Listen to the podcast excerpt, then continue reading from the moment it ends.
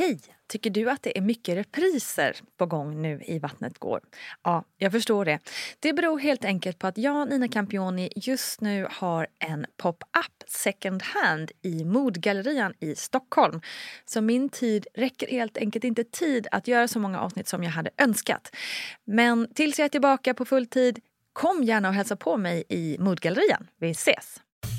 Jag vet att jag tänkte att åh, om man hade varit en av de där som klippte gräset i trädgården istället ja. för en nybliven mamma. Nej, det var, det var hemskt. Mm. Välkommen kära du till ett nytt sprillans härligt och viktigt avsnitt av Gravidpodden Vattnet går. Den här veckan bjuder jag för första gången in dig till min trädgård i Enskede en solig och härlig dag i april. Ja, varför det undrar du då kanske? Jo, för att på grund av rådande omständigheter med corona så håller min kära studio stängt. Och då får vi helt enkelt ses i friska luften istället och jösses så mysigt det var.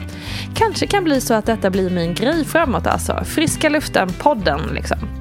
I alla fall så hoppas jag att du har överseende med ifall det ibland surrar in en liten humla, ifall du ibland hör ett barn studsa med en basketboll eller ifall du ibland hör min man arbetandes i trädgården med lite höga pustar och suckar. Men allra mest hoppas jag att du egentligen inte alls märker någon skillnad. Så vem är det då som har fått äran att för första gången göra en trädgårdsinspelning? Jo, ingen mindre än kvinnan som gjort sig känd som Fru Vintage på internet.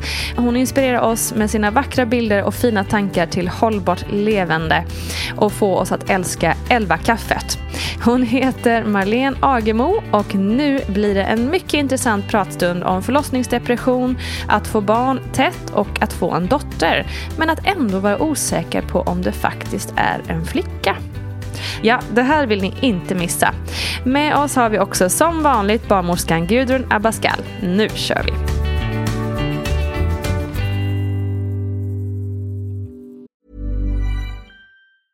A lot can happen in three years, like a chatbot may be your new best friend. But what won't change? Needing health insurance. United Healthcare Tri Term Medical Plans, underwritten by Golden Rule Insurance Company, offer flexible, budget friendly coverage that lasts nearly three years in some states. Learn more at uh1.com. I'm Sandra, and I'm just the professional your small business was looking for. But you didn't hire me because you didn't use LinkedIn jobs. LinkedIn has professionals you can't find anywhere else, including those who aren't actively looking for a new job but might be open to the perfect role, like me.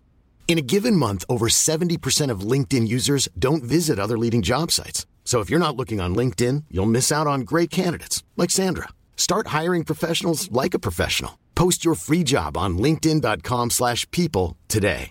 A lot can happen in the next 3 years. Like a chatbot may be your new best friend.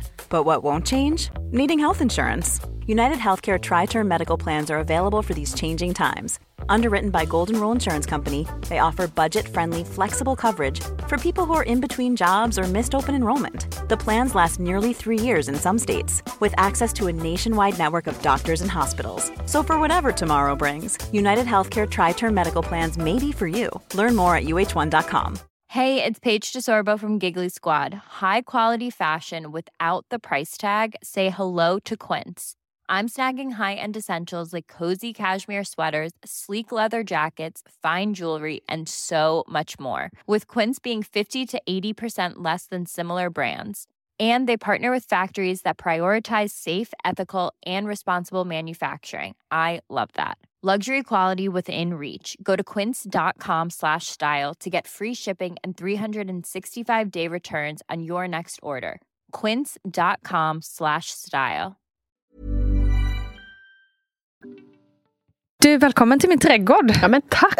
Det här är alltså den första trädgårdsinspelningen ja. någonsin i Vattnet Gårds historia. Men det kommer ju bli nu, vet du. Varenda gång. Och jag tycker det här var mycket mysigare än studio. Jättehärligt. Hoppas bara att um, det är ju en liten bris här känner jag. Jag hoppas att ljudet kommer vara okej okay för er som lyssnar. Men eh, jag hoppas att ni också är okej okay med det i dessa tider. Att det kanske inte är perfekt alltid. En annan sak som också premiär idag är att eh, jag fick tipset om din eh, ja, historia kan man väl säga av din dotter. Och det har faktiskt aldrig hänt heller att Nähä. en dotter har tipsat om sin Ja, vad mamma. kul. Så det var väldigt fint Ja. också tycker jag. Ja, vad roligt. Ja, så att, eh, ska vi börja med eh, liksom Ellen då som tipsade om dig. Mm. Eh, för du har tre barn Precis. och Ellen är den äldsta. Ja. Eh, hur, hur, var det, ja, hur var det att vara gravid med Ellen? ja, men det var fantastiskt. Eh, vi var väldigt unga. Inser jag nu. Det tyckte vi inte då. Hur gammal var du då? då? Vi var, både min man och jag var 22 Ja, det är ju ändå... när hon föddes. Det är, det är Ja. ungt får man ändå säga. Ja. Eh, men oerhört efterlängtad. Eh, och verkligen... Jag hade precis läst färdigt eller utbildat mig till barnskötare. Mhm. Så förutom att jag längtade efter barn så längtade jag efter att få Ja, men bara få en liten varelse Ja. och prova allt det där man hade lärt sig. Det förstår jag. Ja. Vilken bra utbildning att ha gått precis innan man blir mamma. Ja.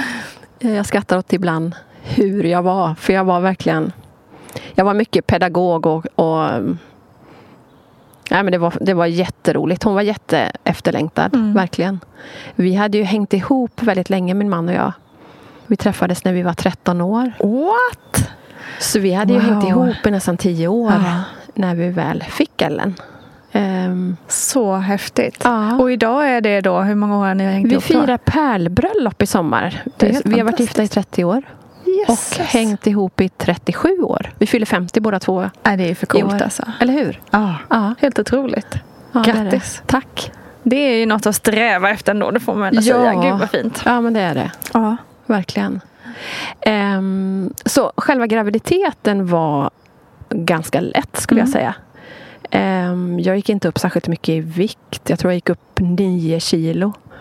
Eh, och åkte hem i mina cykelbyxor. Och, ja, så rent, rent fysiskt eh, och så, så var det en, en, eh, en lätt graviditet. Jag älskade att vara gravid och tyckte om det alla tre gångerna. Mm. Tyckte att det var väldigt mysigt. Haft lite sådär foglossning i slutet men, men jag mådde oerhört illa. Det gjorde jag. Mm. De första 13 veckorna. Mm. På alla tre barnen? Ja, på alla tre.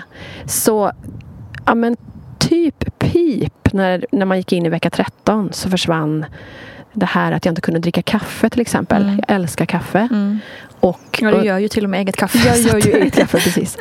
Nej men så jag vet med Ellen då när, jag, när vi väntade henne då fick min man brygga sitt kaffe nere i källaren för jag klarade verkligen inte av Gud. den. Ja.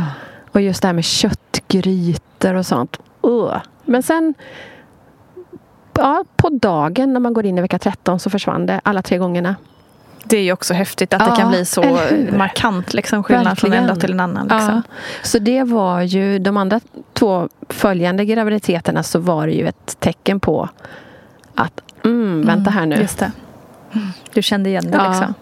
Men får jag fråga också det här med att liksom, i övrigt då, förutom illamåendet i kroppen att det var ganska lätt där med Ellen. Mm. Känn, upplevde du att det blev någon skillnad i, just i och med att du var så ung då tänker Ja, jag, 22 precis. år. Ja. Och sen fick du Nelly då eh, 97. Nu kan jag ju inte jag räkna men det är då alltså, är det fem år mellan?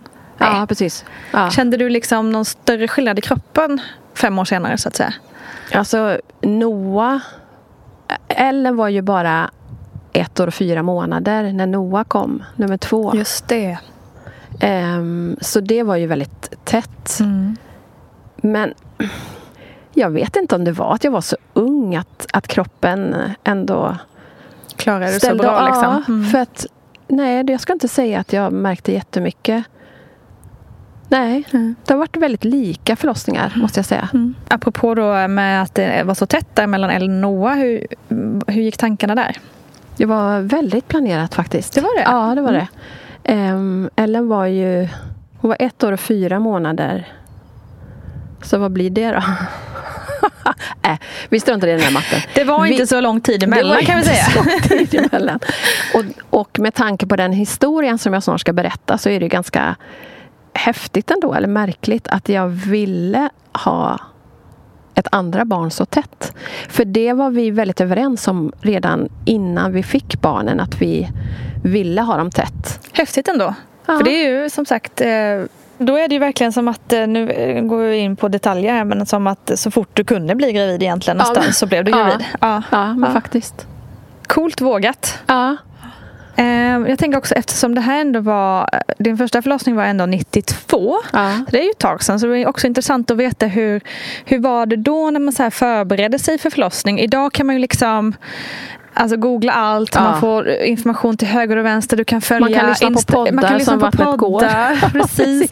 Och man kan följa kändisars graviditeter Ja, och influencers. Alltså så här, Ja. eh, man får ju veta allt liksom. Hur var det då? Nej, men det var ju såklart jättestor skillnad. Vi gick ju till föräldragrupp, Mm. sådana förberedande, eh, där man träffade andra föräldrar som var i samma sits. Ehm, men annars var det ju, vi läste ju böcker. Det låter som att det var 1700 som man vänder blad på. Ja men verkligen. Eh, jag tänkte faktiskt på det på vägen hit. Att vilken, vilken förmån att få barn idag. Eh, å ena sidan. Å andra sidan är det ju inte alltid jättebra att, läsa och veta allt det där. Nej, man kan ju också läsa på för mycket Ja. och lyssna på för mycket knasigheter Ja, och verkligen. skrämma upp sig mer av det nästan. Ja, verkligen. Och jämföra sig och hit Ja. och dit. Nej, men så mycket av informationen som vi hade var ju via eh, mödravården Mm. och den barnmorskan vi träffade där och den här föräldragruppen. Och det jag hade läst på min utbildning då innan. Just det, du hade det i bagaget också. Ja.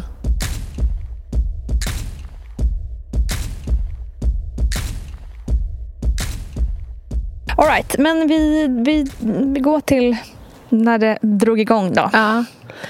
Då, det var ju en vecka före beräknad förlossning så att jag hade, var ju fullgången. Mm.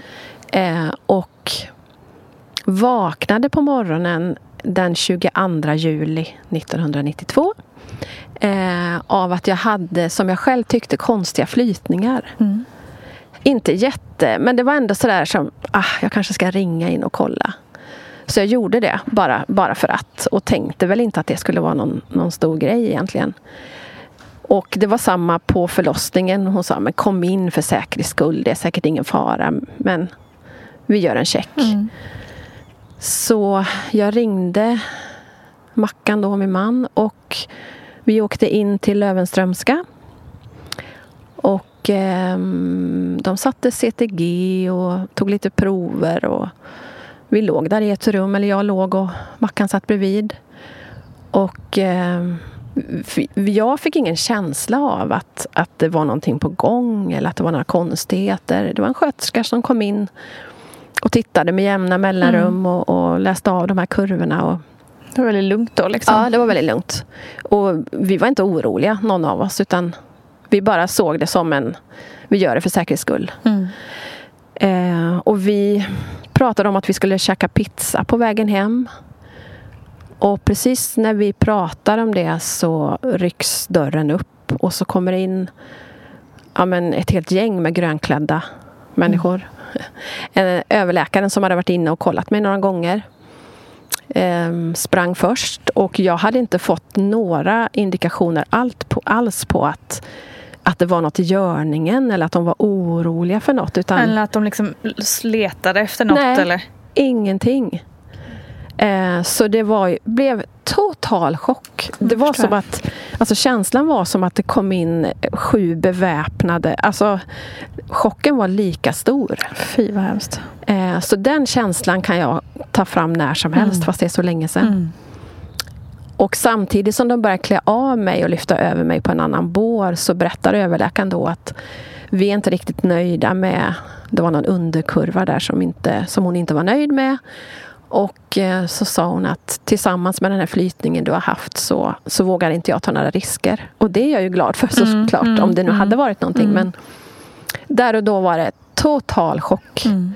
Så jag suger tag i Mackan och bara skriker Du lämnar mig inte! Och då säger överläkaren lugnt att tyvärr så kan han inte följa med in. Och sen minns jag bara hur, hur de sprang i korridoren där. Motoperation då. Ja, mot operation. Eh, och sen vaknade jag tre, fyra timmar senare. Jag var ju sövd ganska länge.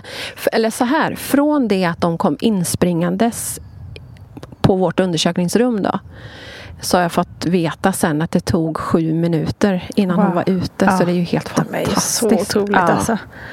Sju minuter Sju liksom. minuter. Det känns som att det, ja, det är som att gå på toa och kissa bara. Liksom.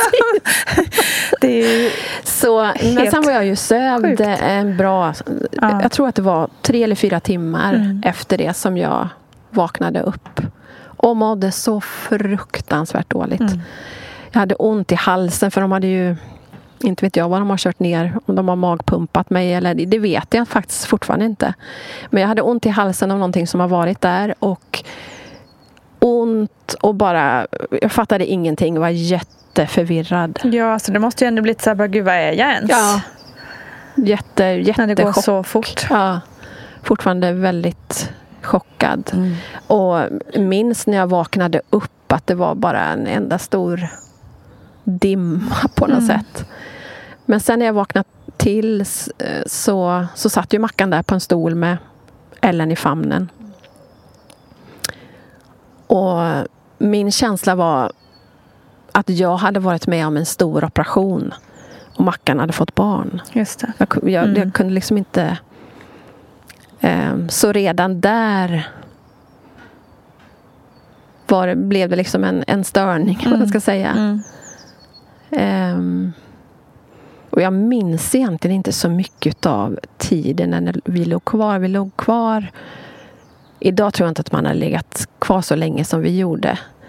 Ehm, men jag har inga större minnen av den tiden egentligen.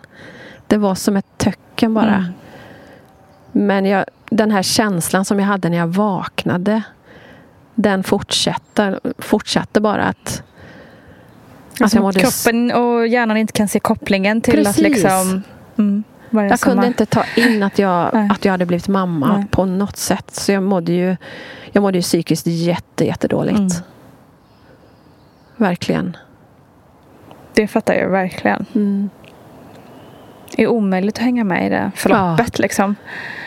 Jo, jag vet inte hur mycket jag hade varit hjälpt av om vi hade fått några som helst indikationer under tiden vi var där. Mm. Att det är någonting som, vi, som oroar oss eller Mm. vi är inte nöjda Mm. med den här kurvan Mm. eller någonting. Mm, ja, men. Men vi låg där i godan ro och- Ja. och snackade om att vi skulle käka pizza på Ja. vägen hem. Så vi hade ju inga och tankar plötsligt på... är man sövd och tre Precis. timmar senare så ser man att man har ett barn. Det är, nej, det är, herregud, det är för mycket för en människa att ta in. Liksom. Verkligen. Jätte, jättekonstigt.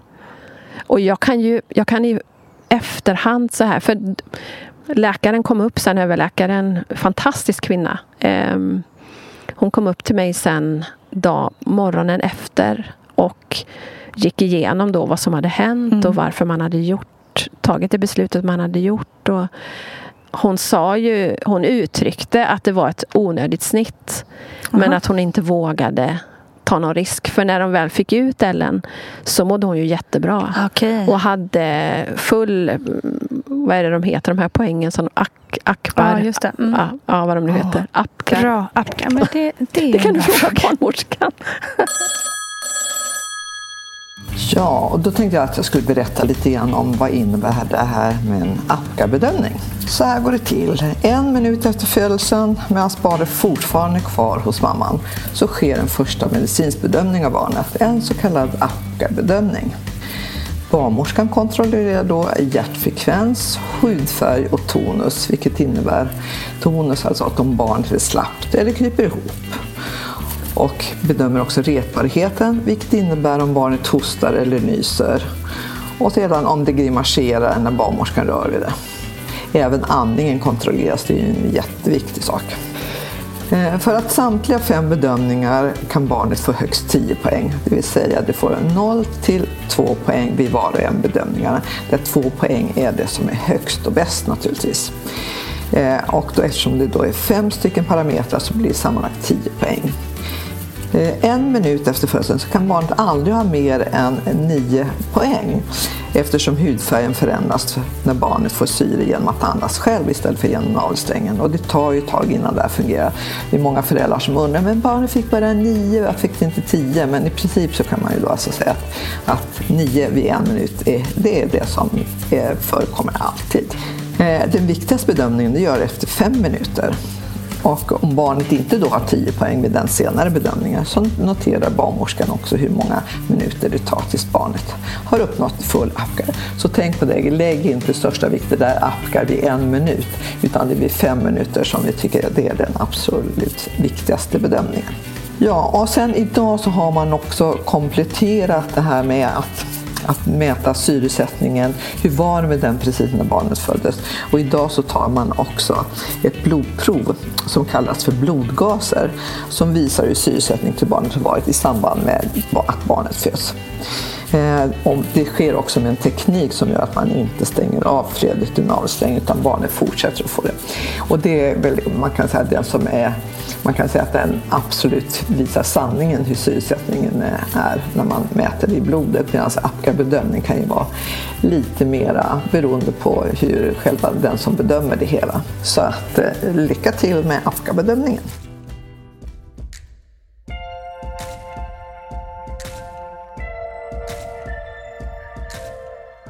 Men eh, hon hade ju full pott där så ja. hon, hon mådde ju bra. Ja. Hur känns, känns det då i efterhand att man inte liksom...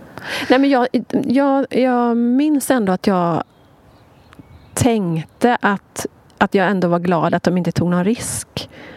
Eh, det var nog senare som den här känslan av att det var så onödigt mm. eh, som den kom. Men just när jag satt där, när hon satt där med mig då, då tyckte jag bara att det var bra. Mm. Vad var det de hade varit rädda för då? Förklara om det. det. Det var ju just att hjärtljud, det var någon kurva på mm. hjärtljuden mm. som hon inte var nöjd mm. med. Men det, det, det var ju ingenting som sagt. Nej. Så jag fick egentligen inte, eller så kommer jag inte ihåg vad hon sa.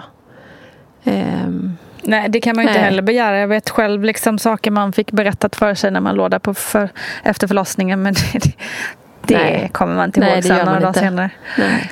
Men hur, eh, okej, okay, men då i alla fall så, så är ni där på förlossningen och rent fysiskt så mår ni bra liksom. Ja. Men hur kändes det mentalt sen då när ni fick komma hem och sådär? Fysiskt var det ju jobbigt också de första, alltså just med snittet. Ja, ja såklart, just det. Det är ingen skön känsla Nej. när ett snitt ska läka. Nej. när nerverna ska hitta varandra. Och, och, så jag mådde ju fysiskt dåligt då mm, också. Mm. Eh, att man inte kan röra sig och, mm. och fick inte lyfta och sådär. Så mm. att, eh, den fysiska delen var ju en sak. Men psykiskt mådde jag ju... Jag tror ju i efterhand att jag fick någon psykos av något slag. Mm. Amningspsykos eller vad man kallar det för. Mm. Men vi åkte hem och jag vet när vi packade ihop och skulle åka att jag hade sån ångest över att vi vi skulle hem med mm. det här knytet och nu skulle vi ta hand om henne. Och jag hade ju längtat. Jag ville ju bli mamma. Um, men där och då så var det bara fruktansvärt. Och jag vet att barnmorskan på den här föräldrakursen vi gick, hon pratade om att ja, sen när barnet är ute då kommer ni bli förvånade över att det inte står på löpsedlarna och att det sägs på nyheterna för att det är så fantastiskt mm. och så stort och så omvälvande och man mm. är så lycklig och man vill att hela världen ska veta och, och sådär. Så det var ju förväntan man hade, det. att det skulle bli så fantastiskt. Mm. Eh, och jag minns, vi bodde i en allé utanför Sigtuna.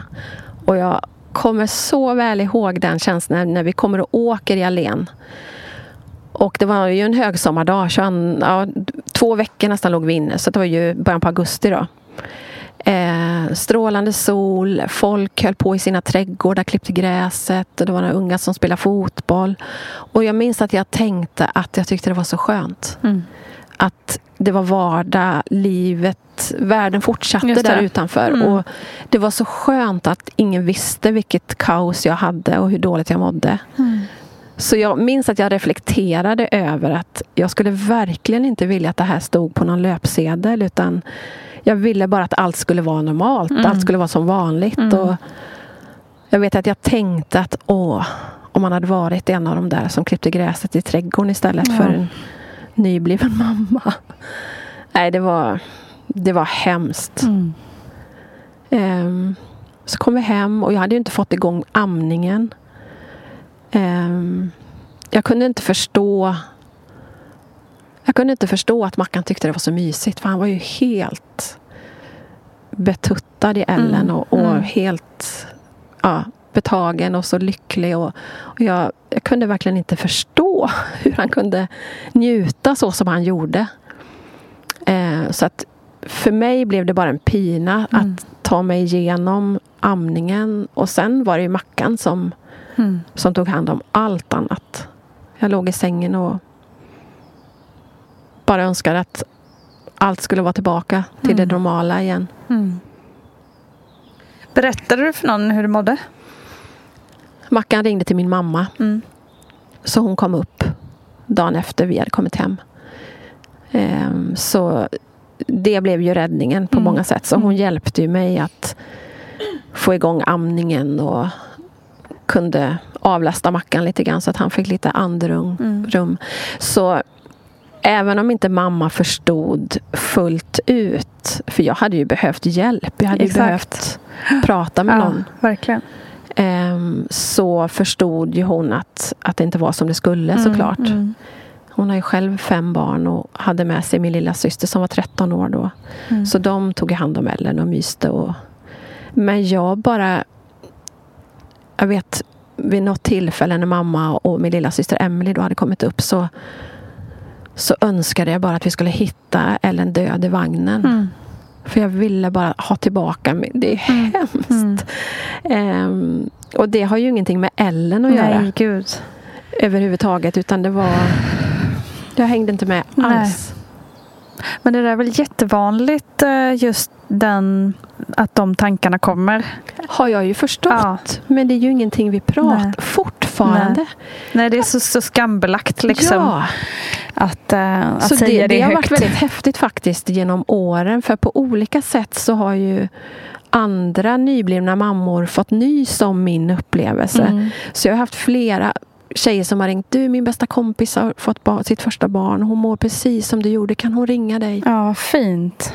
Systerskapet alltså, herregud. Ja. Så viktigt. Jag blir nästan lite rörd när jag tänker på det nu. Men just för att vi pratar ju inte om Nej. det. Vi pratar ju om det fantastiska och Mm. det ska vara så. Mm. Men det är ju en...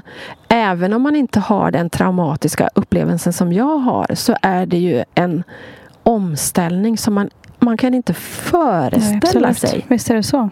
Och det händer man kan ju ha en toppenförlossning men Ja. liksom rent hormonellt och, och så, så mår man skit och, bara, och de här de, liksom destruktiva hemska tankarna kommer. Ja. Eh, det kan vara att skada sig själv eller men sitt barn. verkligen. Liksom. Det Ja, finns men verkligen. jätte, man, vet, man kan ju inte styra över det. Nej. Och just den här känslan av att är det så här livet ska vara nu? Och, och vi hade ju som sagt verkligen längtat efter barn. Mm. och var jätteredo.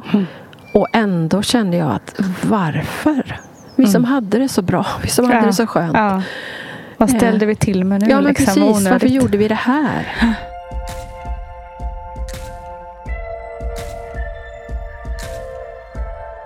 Hur länge höll de här känslorna i sig?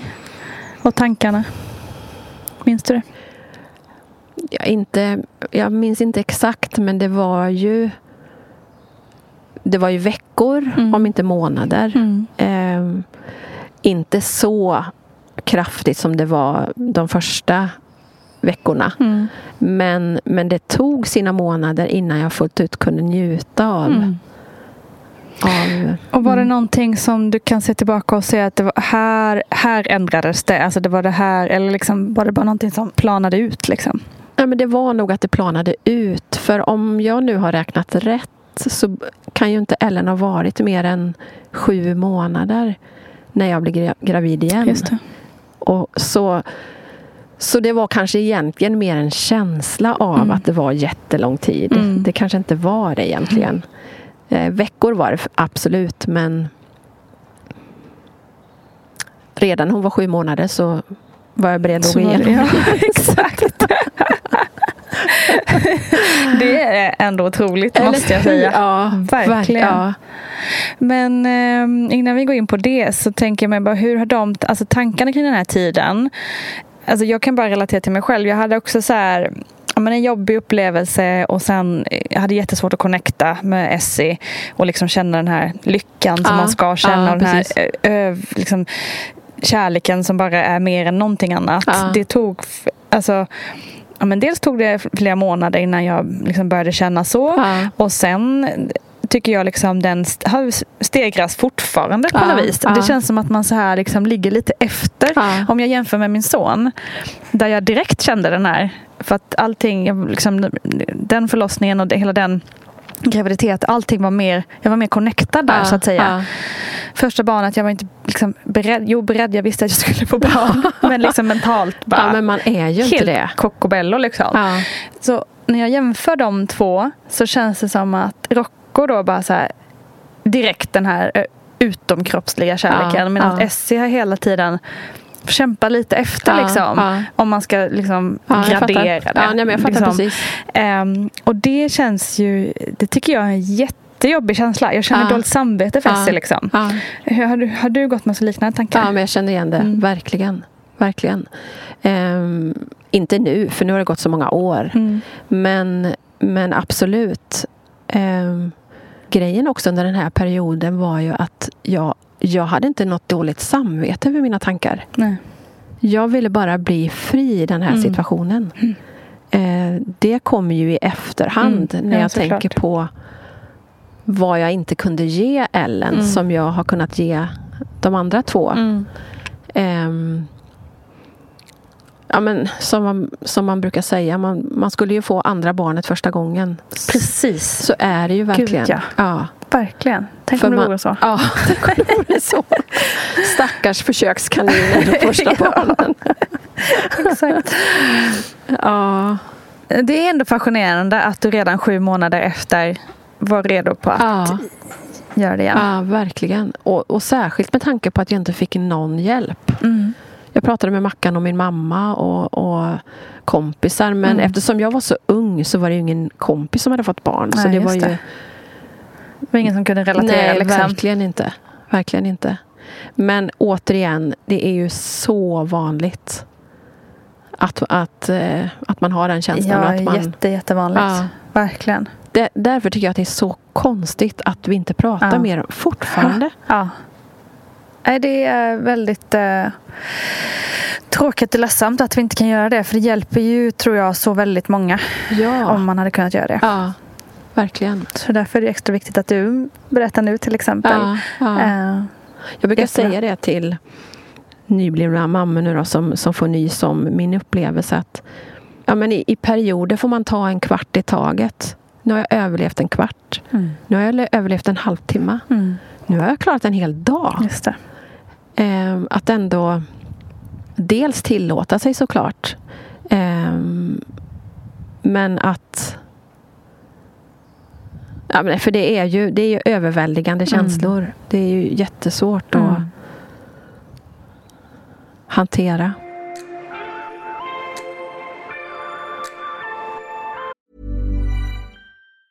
Hi, I'm Daniel, founder of Pretty Litter. Did you know cats tend to hide symptoms of sickness and pain? I learned this the hard way after losing my cat, Gingy. So I created Pretty Litter, a health monitoring litter that helps detect early signs of illness by changing colors, saving you money and potentially your cat's life. Pretty Litter is veterinarian developed, and it's the easiest way to keep tabs on your fur baby's health right at home. Go to prettylitter.com and use code ACAST for 20% off your first order and a free cat toy. Terms and conditions apply. See site for details. Life is full of what ifs. Some awesome, like what if AI could fold your laundry? And some, well, less awesome, like what if you have unexpected medical costs? United Healthcare can help get you covered with Health Protector Guard fixed indemnity insurance plans. They supplement your primary plan to help you manage out of pocket costs. No deductibles, no enrollment periods, and especially no more what ifs. Visit uh1.com to find the Health Protector Guard plan for you.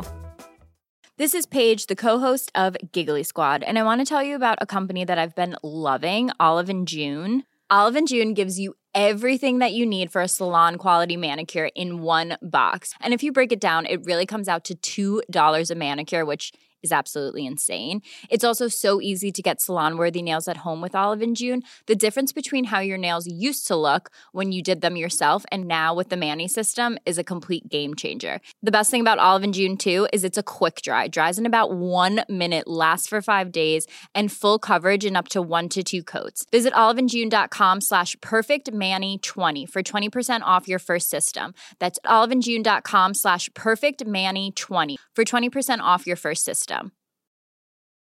Mom deserves the best, and there's no better place to shop for Mother's Day than Whole Foods Market. They're your destination for unbeatable savings, from premium gifts to show-stopping flowers and irresistible desserts. Start by saving 33% with Prime on all body care and candles. Then get a 15-stem bunch of tulips for just $9.99 each with Prime. Round out Mom's menu with festive rosé, irresistible berry chantilly cake, and more special treats. Come celebrate Mother's Day at Whole Foods Market. Wow. Nice. Yeah.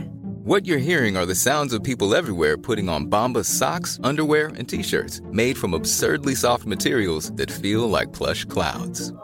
Yeah, that plush. And the best part? For every item you purchase, Bombas donates another to someone facing homelessness. Bombas. Big comfort for everyone. Go to bombas.com slash ACAST and use code ACAST for 20% off your first purchase. That's bombas.com slash ACAST. Code ACAST.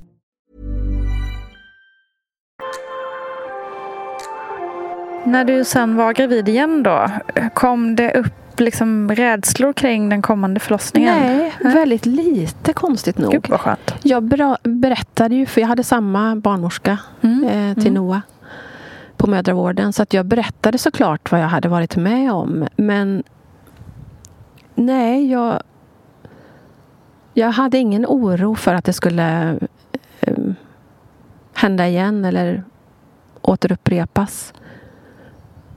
Nej. Vad skönt. Ja. För Det det, blev bättre konstigt. också med ja, Noah. men det går inte att jämföra. Mm. Det går inte att jämföra överhuvudtaget. Precis som du är inne på så var det ju den här totala lyckan eh, fanns ju bara där. Mm. Så fort han kom upp på magen. Mm. Ehm, och Ellen var väldigt liten och vägde bara 2,7 och var 47 centimeter lång. Så hon var ju pytte, pytte, Mm. pytte. Mm. Och väldigt finlämmad, smala fingrar. Och jag vet när jag fick upp Noah på magen innan jag hade sett vad det var för kön så såg jag direkt det här måste vara en kille. Han hade stora händer, små korvar till fingrar. Ehm, nej men det var ju något helt annat. Mm. Och det kan jag ju idag känna lite sorg över. För, för Ellens skull. Ehm, men man får försöka ta igen det på något sätt. Mm. För det är ju ingenting man rår på. Och det är Nej. ju ingenting man väljer. Exakt. Nej, det är ju inte det. Nej. Så man får bara, dels får man väl jobba med sina egna känslor Ja. kring det eftersom det inte är någonting man har kunnat styra över. Verkligen. Och dels får man väl också intala sig att men Speciellt också som du hade liksom lite systemet där med mamma och syster och, och pappan. Så att det är inte så att barnet inte får närhet Nej, eller precis, liksom inte precis. får mat. Eller, utan Nej. man får bara så här Nej, inse att de märkte nog kanske inte så stor skillnad ändå. Nej. Nej men precis. Antagligen. Nej men verkligen. Eh, så. Så att eh, man får vara snäll mot sig själv också Ja. liksom, i tankarna. Tänker Ja men verkligen. Verkligen. Men hur var, hur var förlossningen med Noah då? Ja men det var ju Det var ju något helt annat. Vi, det här var ju i december. Han är född första december. Och jag vaknade på morgonen och klev ur sängen tillsammans med Ellen. Då var hon ju ett år och fyra månader som sagt. Eh, och när jag kliver ur sängen så bara forsar det vatten mellan benen. och jag fick total hjärnsläpp. Jag vet att jag jag minns att jag hade henne på höften och gick runt i vårt lilla hus och bara, vad gör jag nu? så jag ringer Mackan eh, till jobb, för han hade hunnit åka till jobbet. Så jag ringer till honom och han sitter och käkar frukost tillsammans med sina kollegor. Och jag säger att jag tror att vattnet har gått, du måste komma hem. Ja, ja, säger han lite så här. Jag ska bara käka färdigt frukosten först. nej, du måste komma nu. Nej, då var det en kollega till honom som hade sagt, nej men Mackan, åk direkt, det är klart du måste åka. Eh, så en kompis till oss kom hem och tog hand om Ellen och så åkte vi in och det var snöstorm. Och jag hade fruktansvärda verkar på vägen in. Ja, de kom ganska snabbt då Ja, efter. Mm. väldigt snabbt. Eh, och det hade jag ju inte upplevt. Nej. Eftersom jag aldrig hann få igång något verkarbete. Så att, ja men fy vad ont det gjorde. Mm. Ehm, och vi kom in, Noah är också född på Lövet. Han är ju född kvart över tolv. Så att jag, hann ju inte, jag var ju inte inne på förlossningen mer än eh, tre och en halv timme kanske. Fyra på sin höjd. Gick det snabbt? Ja, det gick snabbt. Men de satte, mm, heter det epidural? Eh, vilket gjorde att verkarbetet försvann helt. Okej. Så att jag, jag kände ju att han tryckte på men jag hade liksom ingen, ingen känsla av att jag behövde krysta. Så till Nej. slut så, så jag minns barnmorska bara ropa nu måste du krysta, krysta, krysta. Och så kom han ut. Så att det var det var ju piece of cake. Inte minst psykiskt då såklart. Ja. Och jag minns den känslan av att få känna det där när de la upp honom på magen. Mm. Eh, det var ju verkligen Jag var så otroligt tacksam och, och glad för det. Fick alla sinnen vara med hela men vägen verk- liksom? Ja. Och då inser man ju Det är klart att det kan finnas olika anledningar till att man väljer en, ett snitt. Men jag har väldigt svårt att, att, att förstå om det inte finns medicinska skäl. För att när man har upplevt båda två, dels efteråt att man mår så dåligt eh, när snittet ska läka och ja. Men, men man förstår ju när man har gått igenom en vanlig förlossning vad det gör med hela kroppen. Man är ju förberedd. Man har ju, man har ju gjort arbetet och, och är liksom där, även psykiskt. Så jag sydde, blev sydd några stygn. Men, nej, men det är ju en helt, helt annan känsla. Verkligen. Så skönt. Ja.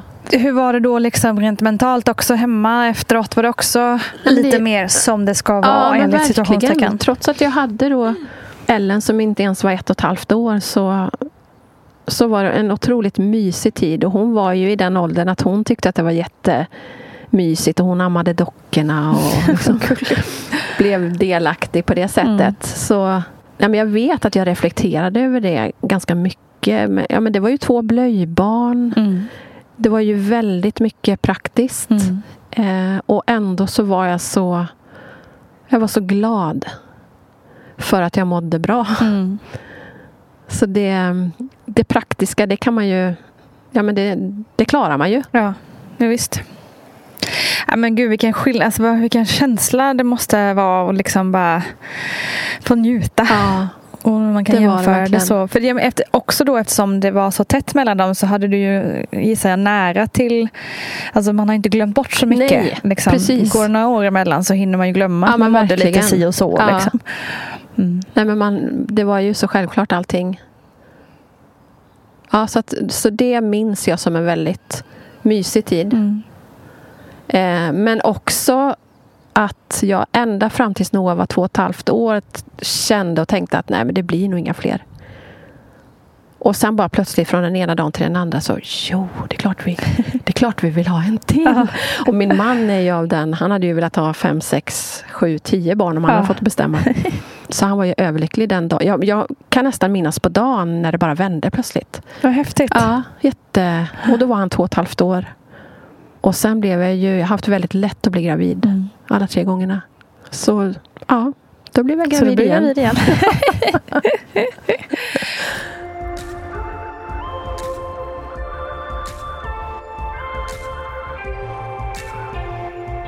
Och när du liksom under den graviditeten, när du så här tänkte tillbaka, liksom, du kände ju ingen rädsla då när du var gravid med Noah, sa du inför förlossning och så. Var det samma med Nelly eller liksom, refererade du mer i ditt huvud till så förlossningen med Noah än Ja, till Ellen? ja det gjorde jag. Däremot, vilket är väldigt märkligt och kanske inte, så hade jag en oro hela den graviditeten Jaha. för att barnet inte skulle vara friskt. Okej. Och jag slog bort den tanken hela tiden. Men det är väl inte så konstigt att man känner så när man, när man har två friska Nej, barn. Verkligen. Eh, att varför skulle jag få ett friskt barn till när Mm. en del inte får barn överhuvudtaget eller får sjuka barn och Nej, det sådär. är en väldigt vanlig känsla. Ja. Så att jag, jag slog bort tanken men den låg där och jag blev inte av med den. Gud vad intressant. Så, ja, verkligen. Så hela den graviditeten så, så kände jag på mig att det är någonting som inte stämmer. Och det kände du även fast man kollar liksom ultraljud Ja, och ja. gör alla tester man ska? Ja. Liksom. Jag har varit väldigt liten alla tre gånger så att jag har ju fått de, alltså, både med Noah och Nelly så fick jag gå till specialistmödravård Okej. för att jag inte gick upp tillräckligt i vikt. Så, så det hade man ju väldigt koll på att, jag, att barnet växte. Mm. Och de har ju varit ganska små alla tre. Noah vägde tre och fyra så att han var väl mer normal. Ja, men, men den där, jag blev inte kvitt den känslan av att det är något här som inte stämmer. Men det är ju ändå häftigt på något vis att du känner det. Ja, visst är det det. För att nu kommer vi komma in på, ja, nu tar vi händelserna lite i förväg här. Men det var ju faktiskt något som inte stämde Ja, helt hundra. Precis. Berätta. Vi, eh, eh, Nelly är född då 97. Och jag hade gått på specialistmödravård som sagt för att ha koll på att magen växte och sådär. Och eh, jag var inne på Akademiska på en sån undersökning. Det var ju precis i slutet på, det var också någon vecka tror jag, kvar till beräknad förlossning. Eh, och nej, jag var nog precis i att det var dags så att säga. Och jag vet att jag pratade med mamma innan jag åkte in eh, på den här undersökningen. Det var bara för att se att allting var okej och, och sådär. Då säger mamma, men du, ber dem göra en gynundersökning så att det kommer igång. Ja, så jag gjorde ju det då. Kan ni göra en gynundersökning och se om jag är öppen någonting? För jag hade haft lite sådär förverkar. Men inte... Jag, jag visste ju nu den tredje gången hur det ska kännas Mm, när det väl det. sätter igång. Så jag, jag förstod att det var, inte, det var inte på gång så, men jag hade ändå haft lite förverkar. Och eh, hon gjorde det och allt såg bra ut. Det var inget öppet eller så. Och när vi åker hem därifrån så sätter ju verkarbetet igång. Så att vi hann hem i princip och vända och Wow. åkte tillbaka. Gud. Ehm, så vi kom in på kvällen där. Vi var hemma och käkade och packade väskan i princip och så Mm. åkte vi tillbaka. Ehm, och det var också en, en väldigt bra förlossning. Jag har jättebra minnen av den. Ehm, det gick lagom fort. Jag hängde med. Ja, då hade jag gått igenom det en gång Mm. och hade koll sådär. Och ehm, när hon kom ut. Ja, det var, det var inga konstigheter. Barnmorskorna, jag vet den ena barnmorskan som var med. Hon hade fyra pojkar. Och den andra barnmorskan hade fem pojkar. Oj. Så de blev ju helt betuttade i Nelly. och satt med henne länge efteråt när, de hade, när hon hade kommit ut. Eh, och jag minns att Mackan var helt slut så han somnade där på en brits. eh, så där och då var det, visste vi inte vad vi hade att vänta oss. Eh, utan där förlöpte allt som vanligt och jag kom upp till BB eh, och kvällen var, ja, det var bara mysigt. Vi hade fått en flicka. Vi var jätteglada. Allt såg bra ut och jag mådde bra. Och... Sen på morgonen dagen efter så hade Mackan varit och hämtat Ellen och Noah för att de skulle få träffa Nelly. Eh, och precis när han har kommit med dem och någon av dem håller i Nelly så kommer läkaren för att göra det här första eh, läkarundersökningen när de kollar höfter. Och, liksom, ja. och han ja, känner igenom henne och, och frågar lite om hur förlossningen har varit och sådär. Och så tar han av henne blöjan och så... Jag märker inte då att han reagerar. Men, men efter en stund så säger han Du, har du sett att, att det ser lite märkligt ut här i blöjan? Mm. Alltså i hennes underliv menar han då. Och då hade jag reflekterat när jag bytte på henne första gången. Mm. Jag vet att jag tänkte att oj vad det såg svullet ut här. Men liksom slog bort tankarna med att ja, men så ser ju flickor ut. De är ju ofta eh, påverkade av mammans hormoner och är lite svullna och, och så. Så att jag tänkte inte mer på det. Mm. Det var ingenting som oroade mig eller att jag trodde att det var något konstigt. Så jag sa det att jag, jag tänkte på det när jag, men sen var det inte mer med det. Han stängde igen blöjan och tog på henne och, och lämnade rummet. Och sen åkte Mackan eh, hem med barnen. Och då började ett lämmeltåg av läkare. Mm. Jag vet inte hur många de var men ja, det var jättemånga som gick in och ut. Eh, och de sa såklart att vi, vi tror att det är någonting som inte riktigt stämmer med, mm. med, med Nelly. Eh, och vi hade redan bestämt då att hon skulle heta Nelly så det satt ett litet hjärta mm. på ja, den här lilla, vad heter det? På den här lilla plastgrejen lilla, eller, som ja, hon precis. ligger i själva... Ja, den här lilla bädden. Ja. ja. Sängen. Där det stod, ja, precis. Där stod Nelly. Och eh, jag förstod inte alls. Eh, jag förstod att det var någonting som de undersökte. Mm. Men jag förstod inte omfattningen eller att, att det skulle vara någon fara. Eller, så jag, jag ja, ja, undersök ni. Lite så. Eh, sen var det hennes eh, läkare som har följt henne sen hela livet tills hon blev 21 och blev uppflyttad till vuxenavdelning. Eh, Maria Haldin, fantastisk endokrinolog som var den första som sa när hon lämnade rummet eh, Jag vill bara att du ska veta att just nu vet inte vi om du har fått en pojke eller en flicka. Mm. Och så gick hon. Gud, och den känslan när jag satt där. Men, men, så sa hon så här, och det är jag så glad för att hon sa. Så sa hon, men eh, din känsla som mamma stämmer eh, till 99 procent. Mm. För man vet som mamma. Och då hade jag ju också både Ellen och Noah att jämföra med. Just det. Eh, det här petita pyttes, de smala fingrarna. Det var precis likadant. Men Ellie hon var jätteliten. Mm. Eh, och smala, tunna fingrar och väldigt dock pluttig, jättesöt. Precis som de andra två. Men det var en hundradel sekund när jag hade henne i famnen. När, det var en sån konstig känsla. Mm. Vad, vad är det vi har fått? Mm. Men jag snappade upp väldigt snabbt att det är en flicka. Jag vet att det är en flicka. Men vi hade ju hunnit ringa till våra föräldrar och mm. syskon och närmsta vänner och berätta att vi har fått en flicka. Mm. Så jag ringde tillbaka. Vi ringde till våra föräldrar eh, och berättade att vi, vi vet inte just nu. De vet inte om det är en flicka eller en pojke. Och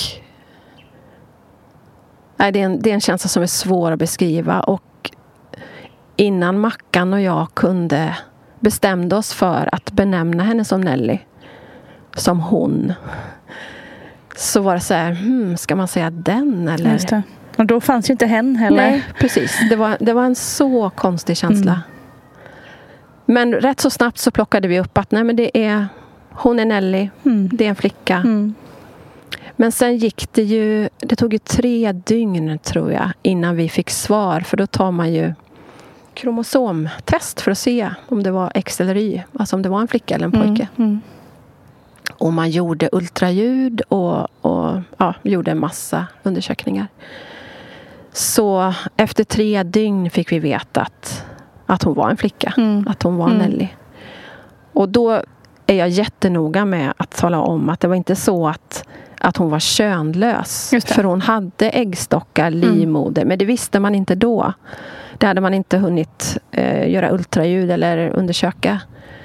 Eh, så där hade man ju ingenting att gå på ja, mer än att, att det inte såg normalt ut i underlivet på henne. Mm.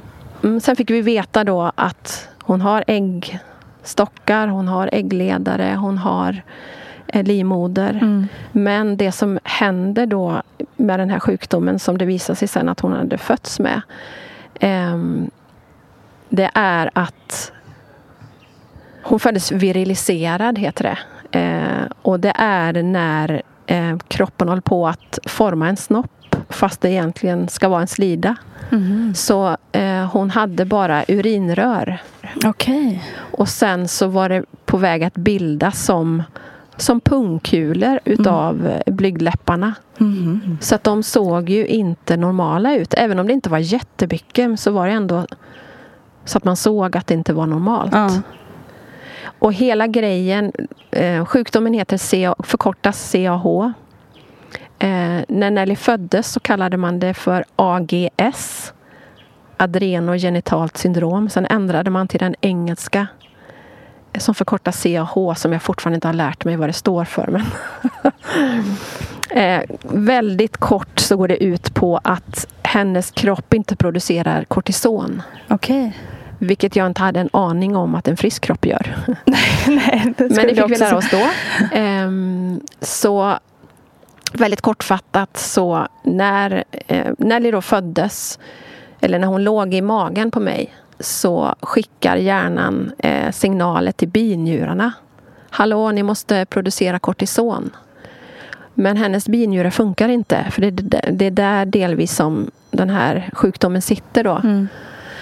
Så istället för att bilda kortison så bildar, eh, bildas manligt hormon. Mm. Så de här flickorna då, som i Nellys fall, eh, badar i manligt hormon hela graviditeten. Gud, så det intressant. gör att det bildas på utsidan, Ja. att det liksom är på väg att bli en snopp. Så när hon var sju månader så gjorde man en jättestor operation Mm. och gjorde en konstgjord slida på henne. Mm. Men är det just bara liksom själva genitalierna? Liksom det är inte andra grejer i kroppen? Ja, som... det är, ja, det är det. Ehm, det är binjurarna då som inte fungerar. Så att hon äter ju medicin idag. Mm. Hon äter kortison. Mm. Det kortisonet som Mm. kroppen inte producerar. Mm. Och det skulle ju visa sig då också att hon eh, hade en väldigt svår form utav den här sjukdomen. Mm. Plus att hon har en otroligt ovanlig form. Mhm. Vilket det visar sig att både Mackan och jag bär på den här Okej. osannolikt ovanliga formen. Det är ju Mhm. också jättekonstigt. Mm. För båda föräldrarna måste vara bärare utav sjukdomen för att barnet ska bli sjukt. Gud. Så om det- jag hade varit bärare bara så hade det ändå så inte, hade det inte nej. märkts. Så det är också så osannolikt Ja. att man ska träffa. Exakt, det måste vara en på miljarden Ja. nästan. Det är otroligt o- Det är en jätteovanlig sjukdom Ja. och väldigt, väldigt ovanligt den här formen som hon har. Så då fick vi, när hon var några dagar gammal, eh, fick vi träffa en genetiker som hade gjort en genetisk schematisering som det heter, både på Mackan och mig. Och det var då man upptäckte att vi bar på den här Mm. otroligt ovanliga formen av sjukdomen. Så då säger han så här, nu ska jag ställa en väldigt konstig fråga, men det är så osannolikt att två människor träffas som bär på den här. Mm. Så han säger, jag måste bara fråga om ni är syskon. det var en väldigt konstig... Man bara, ja vi träffades när vi var 13 så att... Mm. Eh, för så ovanligt är det. Jösses alltså. Men då kunde vi berätta att Mackans eh, föräldrar och släkt kommer från Finland. Mm. Och jag är ju född och uppvuxen i Sverige så Men wow alltså. Ja. Fasen, har ni ens fått någon sån här beräkning på sannolikheten? nej. Det är helt galet. Ja, det är det.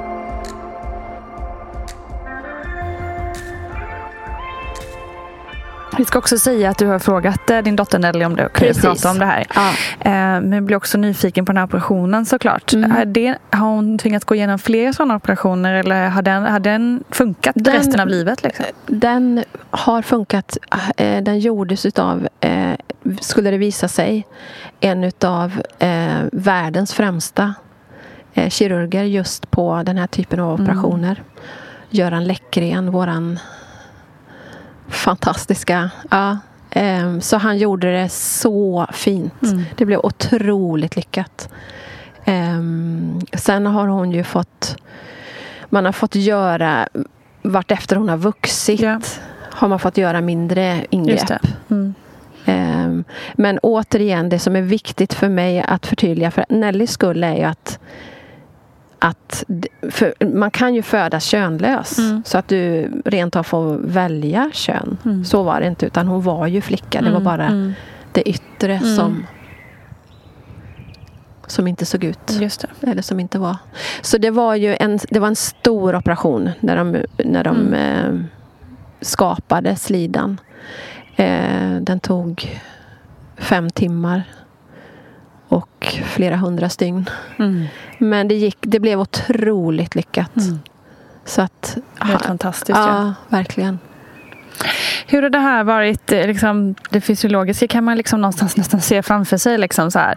Du beskriver det väldigt bra. Men hur har det varit rent mentalt? Liksom? Dels att så här, nu visste du kanske ändå att det var en flicka någonstans för att du Mm. kände det på Mm. dig och du såg på henne och så. Men hur har det liksom, ja, det mentala i att veta att ens dotter inte är fullt liksom, utvecklad eller fullt frisk och Mm, liksom mm, så. mm. Bära med sig det. Det har inte handlat någonting egentligen om själva sjukdomen skulle jag säga.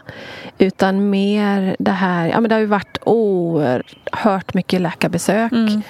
Vi har ju, de har ju planats ut ju äldre hon har blivit men under småbarnsåren så låg vi ju inne väldigt, väldigt ofta för att det är svårt att ställa in medicinerna. Mm.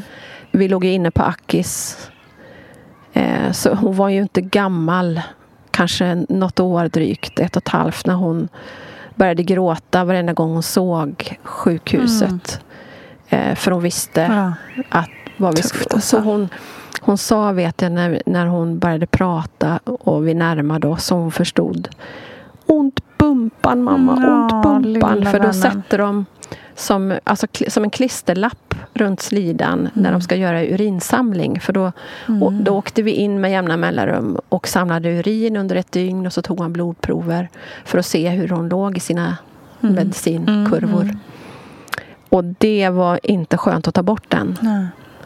Så äh, det har ju varit otroligt tufft. Så många gånger. Både Mackan och jag har gråtit och bara önskat att åh, ge mig det här istället. Mm.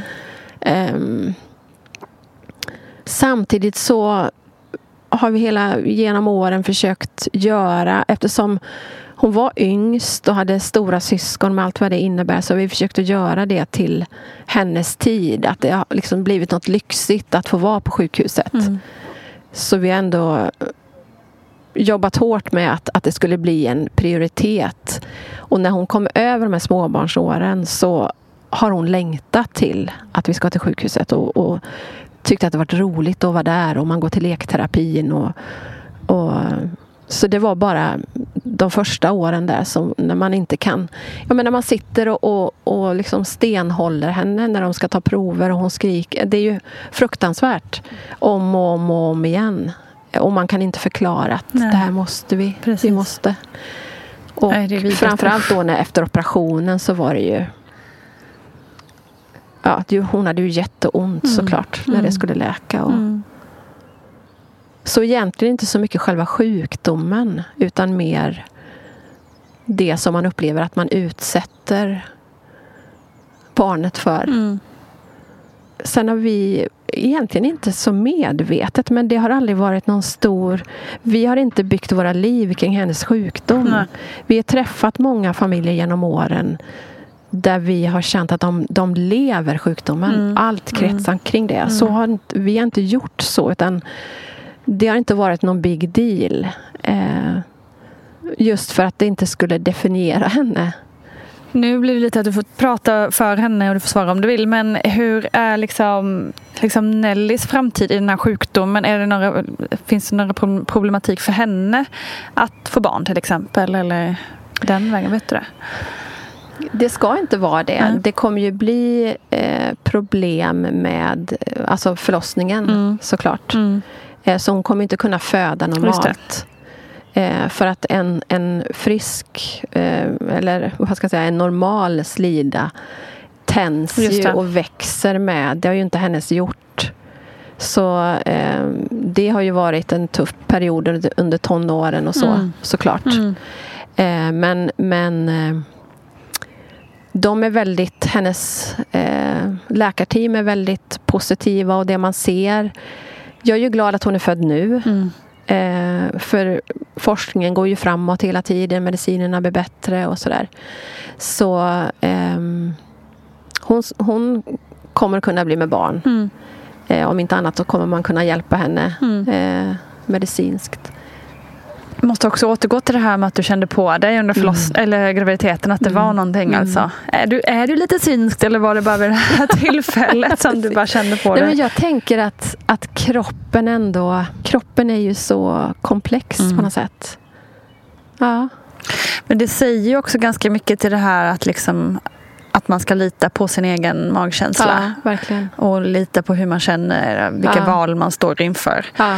Ehm, och att man ska våga stå på sig när man känner att någonting är fel till Ja, exempel. För det vet verkligen. man ju många, speciellt idag liksom när, när läkarvården, sjukvården är så hårt pressad. Ja. Att det kanske inte alltid är lätt att lyssna på alla. Men att man måste då säga till en gång extra Ja, liksom, om man känner att verkligen. någonting inte riktigt stämmer. ja, verkligen. Ja, det är häftigt att du kände det alltså. Ja. Väldigt otroligt.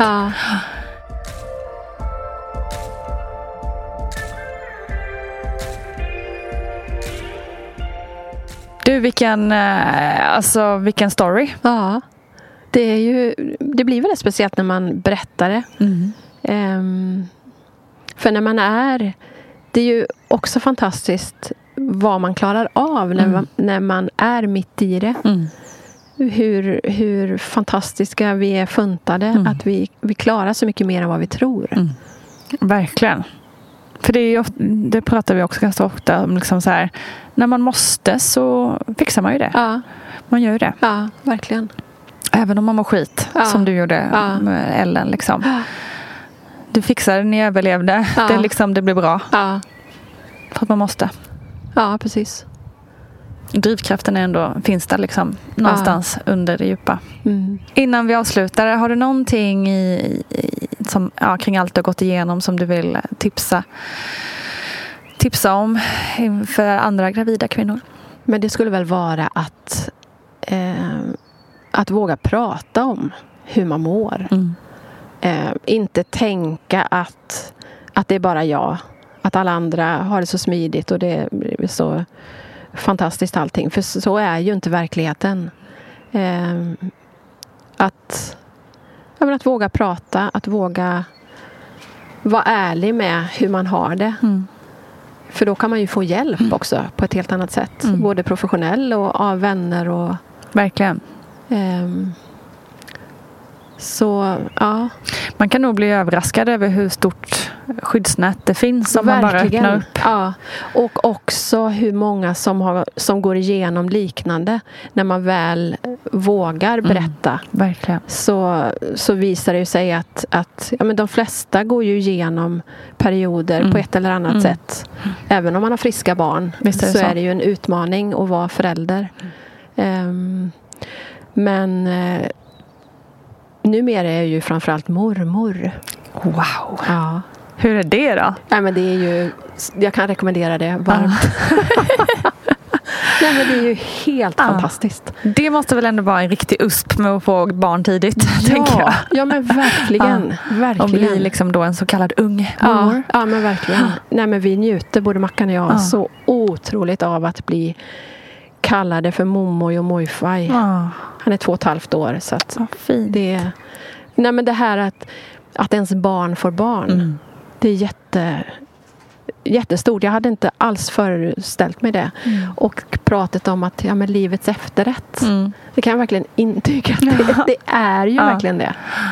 det Så man kan förstå alla eh, liksom, mammors tjat på sina barn. Verkligen. Är det inte dags snart? Förståelse. Full förståelse. Men det är Ja. så mysigt. Mm. Och just det här att man ja, men, han sover över och man njuter varenda sekund. Mm. Och sen när han har åkt hem så tittar vi på varandra och bara Ah, skönt. Ja. Så det är ju verkligen det här att man, man njuter ju bara. Man man, man tar gärna fighterna Mm. om allt som Mm. en två och ett halvt åring fightas om. Eh, för sen så åker han och så sover man gott igen. Ja. ja, grattis till det. Ja, tack.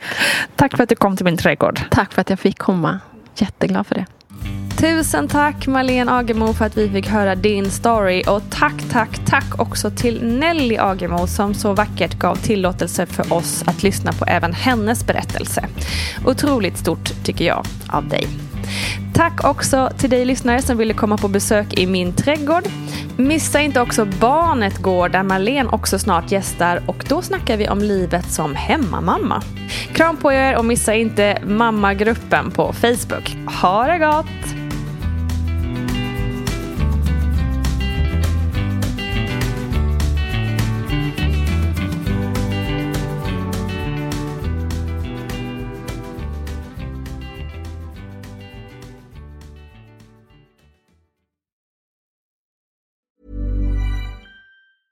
Ever catch yourself eating the same flavorless dinner three days in a row? Dreaming of something better? Well, HelloFresh is your guilt-free dream come true, baby. It's me, Kiki Palmer. Let's wake up those taste buds with hot, juicy pecan-crusted chicken or garlic butter shrimp scampi. Mm. Hello Fresh. Stop dreaming of all the delicious possibilities and dig in at HelloFresh.com. Let's get this dinner party started. Mom deserves the best, and there's no better place to shop for Mother's Day than Whole Foods Market. They're your destination for unbeatable savings, from premium gifts to show-stopping flowers and irresistible desserts. Start by saving 33% with Prime on all body care and candles. Then get a 15-stem bunch of tulips for just $9.99 each with Prime. Round out Mom's menu with festive rosé, irresistible berry chantilly cake, and more special treats. Come celebrate Mother's Day at Whole Foods Market. Even when we're on a budget, we still deserve nice things.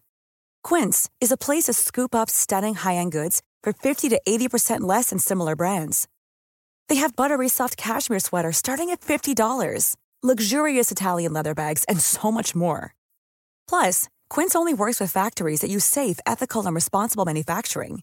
Get the high-end goods you'll love without the high price tag with Quince.